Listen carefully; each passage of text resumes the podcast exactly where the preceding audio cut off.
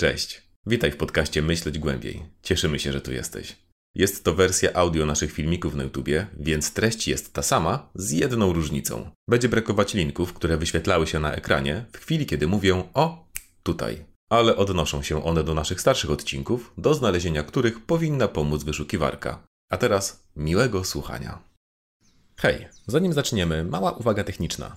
Dzisiaj bez wizualiów, bo zacząłem wakacje, ja, w sensie pan N, i chcieliśmy puścić ten odcinek przed nimi niż po nich.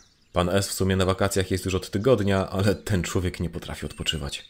A, i w tle będzie słuchać ptaki, bo jest za gorąco, abym nagrywał przy zamkniętych oknach. E, Mam nadzieję, że nie będzie to Wam za bardzo przeszkadzać. Okej, lecimy.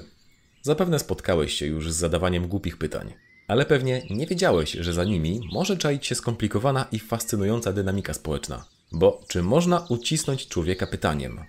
A można, ale musimy przejść od poziomu interpersonalnego do takiego, który jest badany przez nauki społeczne. To właśnie zrobiła filozofka Nora Bernstein, nadając temu zjawisku skomplikowaną nazwę wyzysk epistemiczny. Epistemologia to dział filozofii zajmujący się wytwarzaniem oraz poznawaniem wiedzy, więc będzie chodziło o wyzysk związany z wiedzą. To słowo warto znać, więc będziemy go używać. Tu streścimy główne wątki artykułu Bernstein. Całość dostępna w opisie.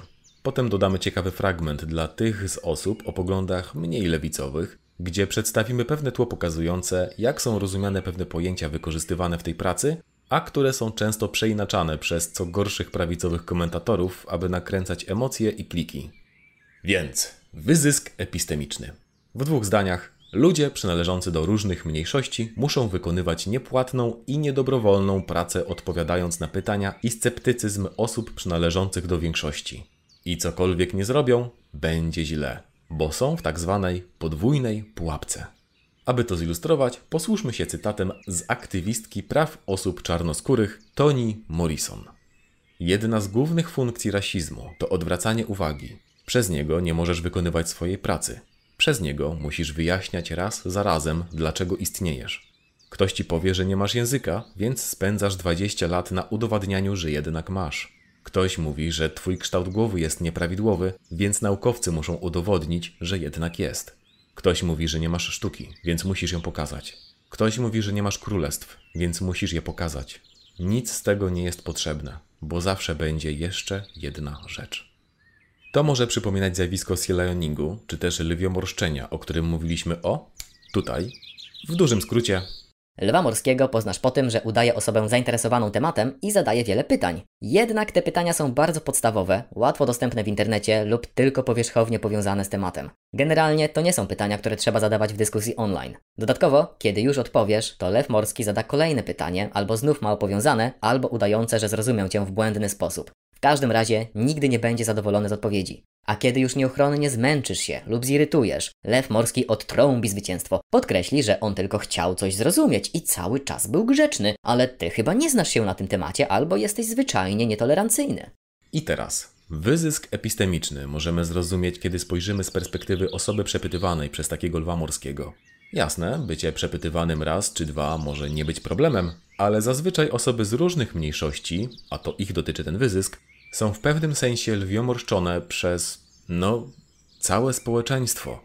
Tyle tylko, że lwiomorszczenie w wykonaniu jednej osoby jeszcze łatwo rozpoznać, natomiast takie, hmm, rozproszone lwiomorszczenie już nie. Bo za tym nie musi stać autentyczna zła wola konkretnych osób. I tu mamy sedno problemu. Osoba mniejszościowa musi się w życiu nacharować, bo takie odpowiadanie to też forma pracy. Mogłaby w tym czasie robić coś innego. Co gorsza, to praca niepłatna. Co jeszcze gorsza, ta praca nie jest dobrowolna. O tym później. W naszym społeczeństwie głównie można się spotkać z wyzyskiem epistemicznym w kontekście mniejszości seksualnych, które ostatnio są na celowniku, więc muszą dużo wyjaśniać. Pamiętajmy jednak, że pojęcie wyzysku epistemicznego można zastosować szeroko, na przykład w stosunku do osób po nadużyciach seksualnych. I teraz, jak mówiliśmy, taki wyzysk zazwyczaj nie jest uświadamiany, więc może być opisywany jako nieszkodliwa ciekawość, tylko zadawanie pytań, szczera intencja dowiedzenia się czegoś, przedstawianie alternatywnych wyjaśnień czy granie roli adwokata diabła. I czasem autentycznie może takie być, no ze strony jednostek, Jednak takie działanie to wynik ogólnego braku informacji, których społeczeństwo, jako całość, nie chce znormalizować. Może pomyślisz, że teraz antropomorfizujemy to społeczeństwo. Więcej o tym w drugiej części, ale na razie ani nie antropomorfizujemy, ani nie oceniamy. Dlaczego jest to praca? Przede wszystkim dlatego, że jest to w dużej mierze tak zwana praca emocjonalna. A co to znowu takiego? Jeśli w pracy fizycznej wykorzystujemy nasze ciało, w pracy intelektualnej umysł, to wychodzi, że do pracy emocjonalnej zaprzęgamy nasze emocje. Czyli kontrolujemy to, w jaki sposób wyrażamy samych siebie, aby innym było dobrze. Pomyśl tu na przykład o kelnerze albo przedszkolance. Obydwoje pracują emocjonalnie. Oprócz powstrzymywania swoich emocji, muszą zadbać też o komfort klientów lub dzieci oraz radzić sobie z wybuchami emocji z ich strony. Dla mniejszości tłumaczenie problemów swojej grupy to praca emocjonalna, bo te kwestie są dla nich prawie zawsze trudne lub bolesne. Nie dowiedzieli się tego wszystkiego w ramach hobby. Dowiedzieli się tego, aby na przykład radzić sobie z prześladowaniem, odrzuceniem czy poczuciem zagubienia. I teraz przepytywanie ich z tych doświadczeń to trochę jakby dowiedzieć się, że ktoś jest ratownikiem medycznym i zapytać: Ej, jak to jest, kiedy osoba ratowana umrze ci w karetce? Co gorsza, przypadku mniejszości te osoby często muszą udowodnić, że te doświadczenia istnieją, nie wynikają z ich przewrażliwienia, że mają przyczyny systemowe i tak dalej, i tak. Problem też polega na tym, że taka osoba w obliczu wyzysku epistemicznego straci niezależnie od tego, co zrobi. Przyjrzyjmy się przykładowi opisanemu przez Berenstein. Amina, czarna kobieta, jest na mieście z Benem, białym mężczyzną. W pewnym momencie podchodzi do niej biała kobieta, dotyka jej włosów i wykrzykuje, że są takie miękkie. Amina mówi, aby nie dotykała jej włosów, a ta obraża się, odpowiada, że chciała tylko dać komplement i odchodzi ze złością. Wtedy Ben pyta, czemu Amina była taka niegrzeczna, przecież tamta kobieta była tylko miła. Amina jest zmęczona i nie ma siły tłumaczyć. Wie jednak, że jeśli odmówi wyjaśnienia albo po prostu powie, że nie chce o tym mówić, może zostać uznana za przesadnie emocjonalną, irracjonalną, przewrażliwioną czy agresywną. Stąd ta podwójna pułapka. To nasze tłumaczenie, po angielsku double bind. Albo zajmie się tą niedobrowolną pracą tłumaczenia, albo musi zaryzykować bycie uznaną za stereotypową, kłótliwą murzynkę. Brzmi rozsądnie, prawda? To teraz zróbmy mały eksperyment i zobaczmy, jak perfidnym zjawiskiem potrafi być wyzysk epistemiczny. Otóż z poprzedniej parafrazy wycięliśmy to, co Amina miałaby Benowi tłumaczyć, czyli historię białego uprzedmiotowienia ciał czarnych kobiet i rasistowską roszczeniowość zawartą w tym, że biała kobieta dotyka czarnej kobiety bez pozwolenia. No drogi widzu, powiedz szczerze, czy słysząc to nie przewróciłeś oczami? Jeśli tak, to czy czytałeś jakichś teoretyków rasizmu? Pewnie nie, po prostu odruchowo oceniłeś, że to brzmi źle. A nawet jeśli nie przewróciłeś oczami, to czy jesteś w stanie wyjaśnić to Twojemu apolitycznemu znajomemu? To drugie pokazuje, jak dużą robotę musi wykonać Amina raz za razem. I to mimo tego, że za każdym z tych razów może być wściekła. A co do przewrócenia oczami, nawet jeśli sam tego nie zrobiłeś, to znasz wielu ludzi, którzy by tak przewrócili. Dlaczego?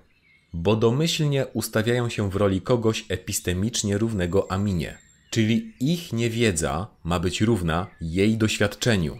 I teraz na tym polu pora na racjonalną debatę. Tworzy się iluzja, że ścierają się dwa równie uprawomocnione punkty widzenia. Wracając do naszego przykładu z ratownikiem, to jakby go zapytać, czemu ratownicy są tacy niezdarni, że tracą tylu ludzi w karetkach? No bo wiesz, ja tam nie chcę się chwalić, ale nikt przy mnie jeszcze nie umarł, więc wiem, że to przecież bardzo łatwe utrzymać człowieka przy życiu. To oczywiście głupota, ignorancja, czy też efekt Krugera-Dunninga, czyli zjawiska, że kiedy im mniej znamy się na czymś, tym bardziej jesteśmy pewni swoich opinii w tej kwestii. Czyli, tak jak mówiliśmy, często ten wyzysk epistemiczny nie bierze się ze złej woli, ale Osobie wyzyskiwanej niewiele to pomoże, bo będzie musiała odwalić robotę tak czy siak. Chyba, że będzie obracać się tylko w środowisku ludzi, którzy są rozeznani w tych tematach. I pewnie już rozumiesz, czemu kiedyś ten ktoś odmówił ci wyjaśnień. Ale jest gorzej, bo na ratowników nikt nie robi nagonki i nie tworzy o nich szkodliwych stereotypów, jak to bywa z mniejszościami. Przypomnijmy sobie chociaż sławną akcję z homofobusami, które wiązały osoby LGBTQ z pedofilią. Więc w analogicznej sytuacji nasz hipotetyczny ratownik mógłby usłyszeć: Ej, bo ty jesteś ratownikiem? Jak to jest, że tak wielu ratowników zabija osoby wiezione w karetkach tylko po to, aby je okraść? Wiesz, nie mówię, że ty tak robisz, bo jesteś porządny, ale myślę, że zawód ratownika przyciąga złodziei. Bo widzisz, znałem kiedyś takiego złodzieja i tak dalej, i tak dalej. Osoby LGBTQ takie zarzuty muszą oddalać raz za razem. I znów pojedyncza osoba mówiąca to może realnie nie ma złych intencji, ale jest jakby kanałem dla złych intencji tych ośrodków władzy, które nakręcają tę nagonkę.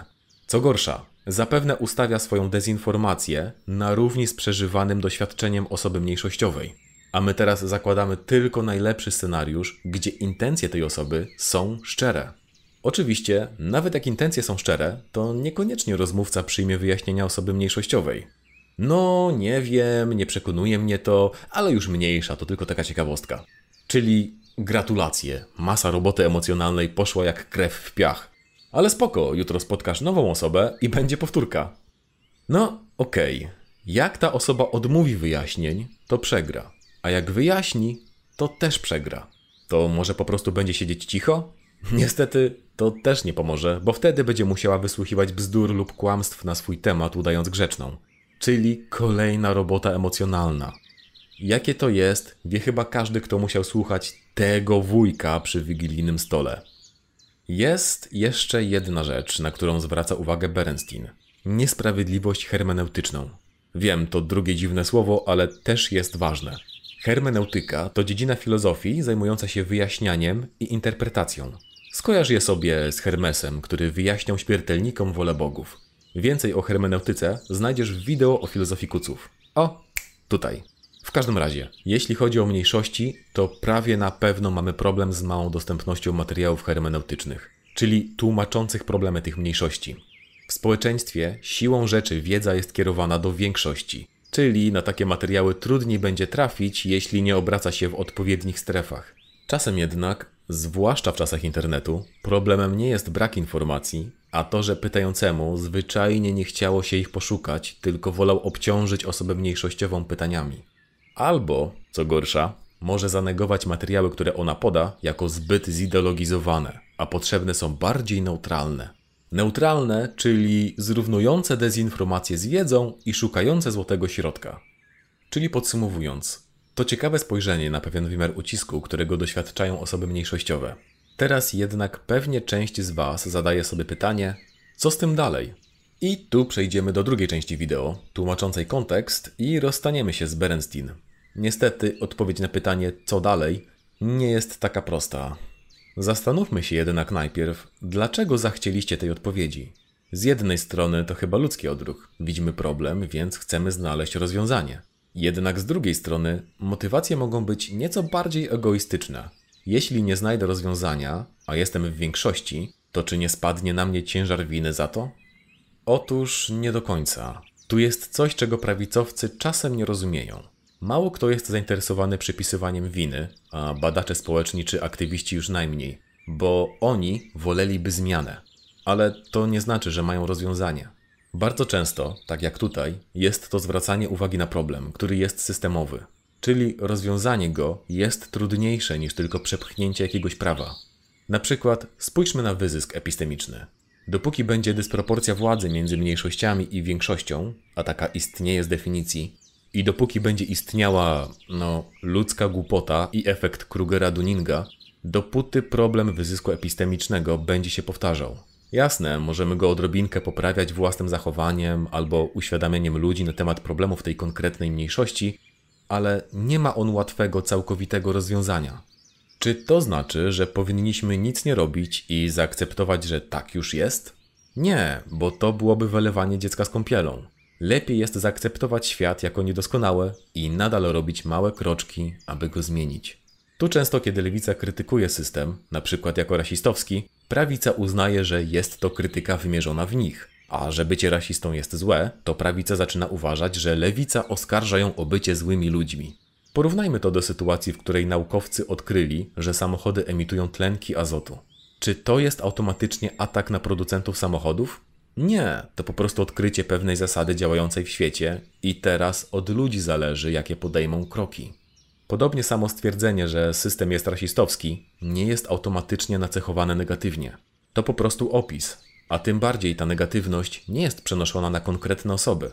One są raczej uformowane przez system, który zazwyczaj zmienia się długo i powoli. A kiedy zmienione osoby zmieniają trochę system, a zmieniony system wywołuje kolejną zmianę w osobach, które mogą system zmienić jeszcze bardziej. I tak to się kręci. Okej, kochane i kochani. Dziękujemy za obejrzenie, czy raczej wysłuchanie kolejnej części Myśleć Głębiej. Mamy nadzieję, że ten odcinek bardzo Wam pomógł. A jeśli tak, to prześlijcie go komuś dalej. Polubcie go, aby algorytmy go proponowały większej ilości osób. Dziękuję Wam za pomoc. Dziękuję też naszym patronom za ich nieustające wsparcie. A spośród nich szczególne podziękowania idą do Grzegorza Wiśniewieckiego, Gamiego, Jana Lerchera, Kowi BZ, M, Mariusza Wo, Auliego, Patrycji, Praptaka, Sachiego oraz Sushiego. To tyle na dziś, kochani. Życzę Wam dobrej pogody, ciepłej wody i zimnej terere. To taka yerba zalewana na zimno. No nic. Zdrowych i bezpiecznych wakacji, misiaczki. Słyszymy się w kolejnym odcinku.